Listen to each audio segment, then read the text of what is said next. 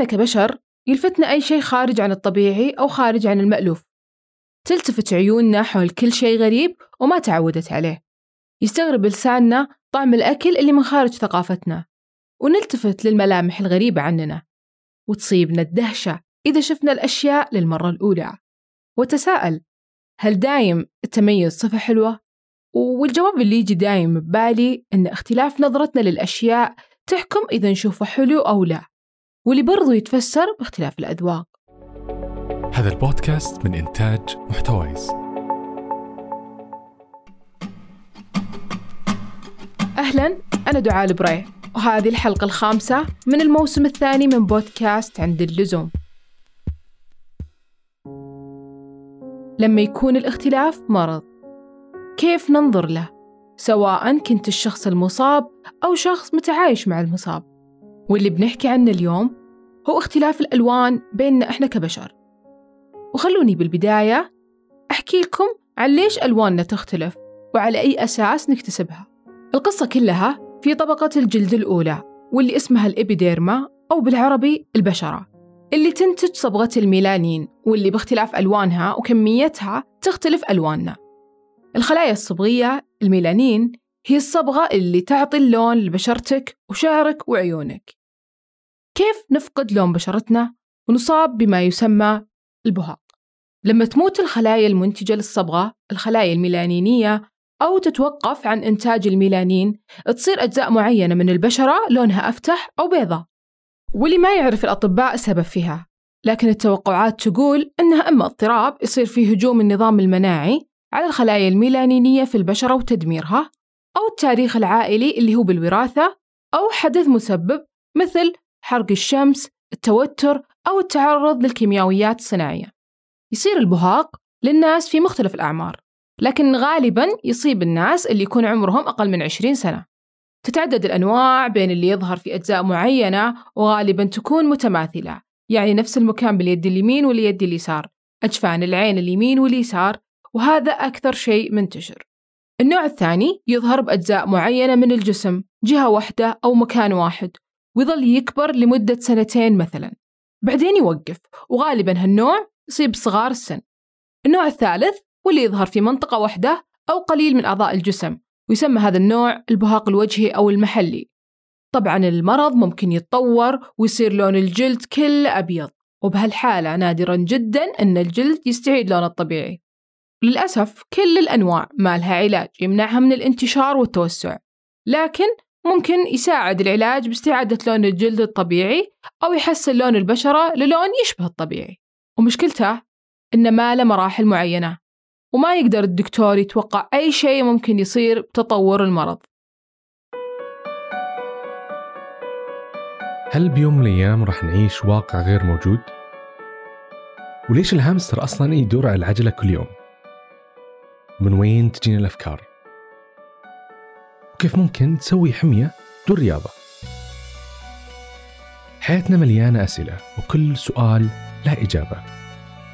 اسمعوني أنا خالد قنيعة في بودكاست فصول محتوايز أحد منتجات شبكة محتوايز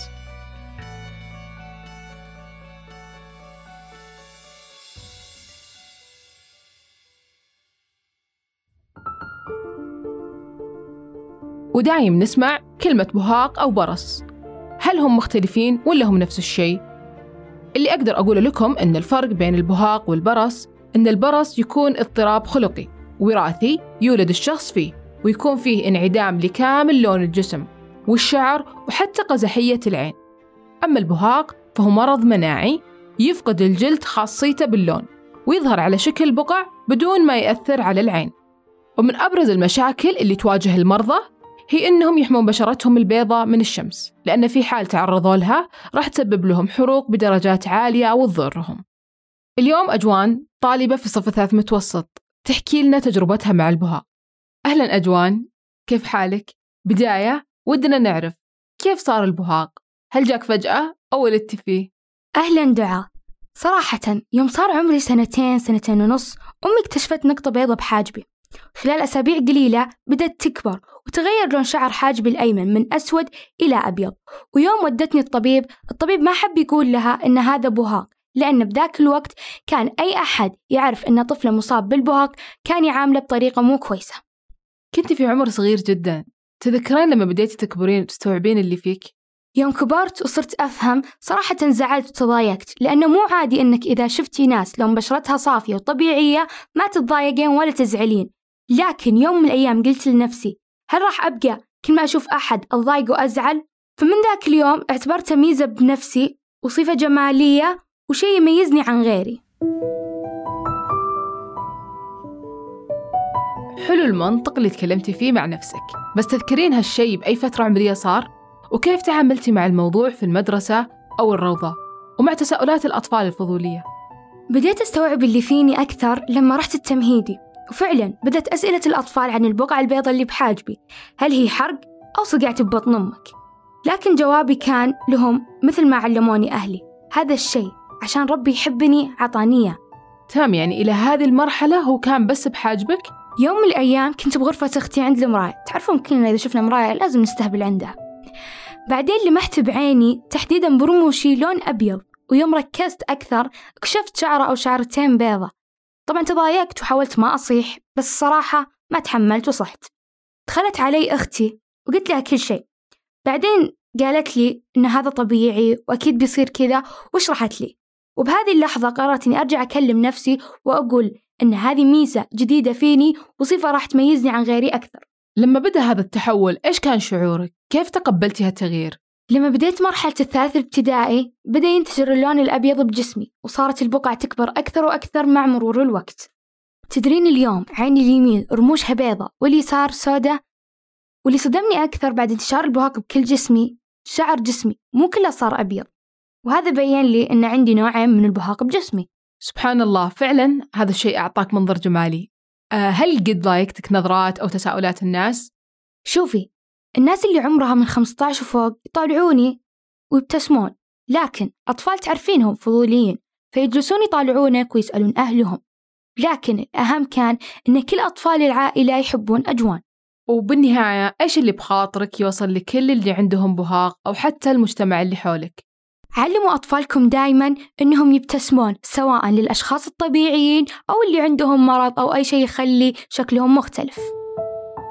شكرا لعائلتي. أقربائي صديقاتي على دعمهم لي.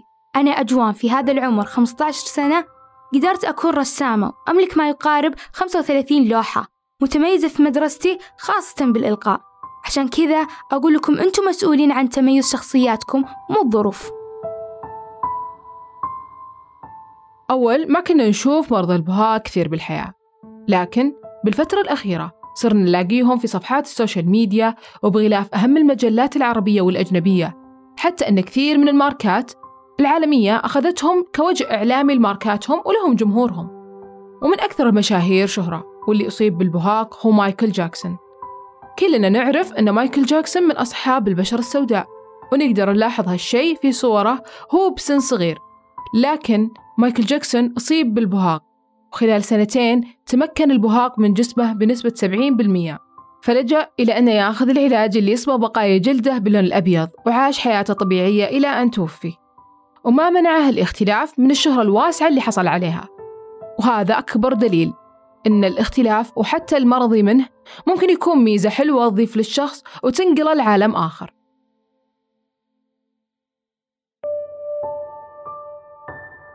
وبالنهاية اشتغلوا على نفسكم من جوا. اصلحوا ذواتكم اصنعوا من نفسكم نسخة ما تتكرر وعاملوا الناس لأخلاقهم وعقليتهم. لا تلتفتون للمظاهر لأن كلنا بيوم ممكن نفقد شكلنا أو صحتنا واللي يبقى هو أخلاقنا وثقافتنا. مهما تأثر الجسد ترى الصحة أساسها العقل والقلب. شكرا أجوان على الطاقة الإيجابية اللي زرعتيها بالحلقة وفيني شخصيا. نتمنى لكم دائما الصحة والعافية. وترى كل اللي قلناه فقط عند اللزوم. لا تنسون الاشتراك بالبودكاست عبر أبل بودكاست والآيتونز وتكتبون لنا بالتعليقات اقتراحاتكم للعناوين القادمة اللي يهمكم تعرفون عنها أكثر.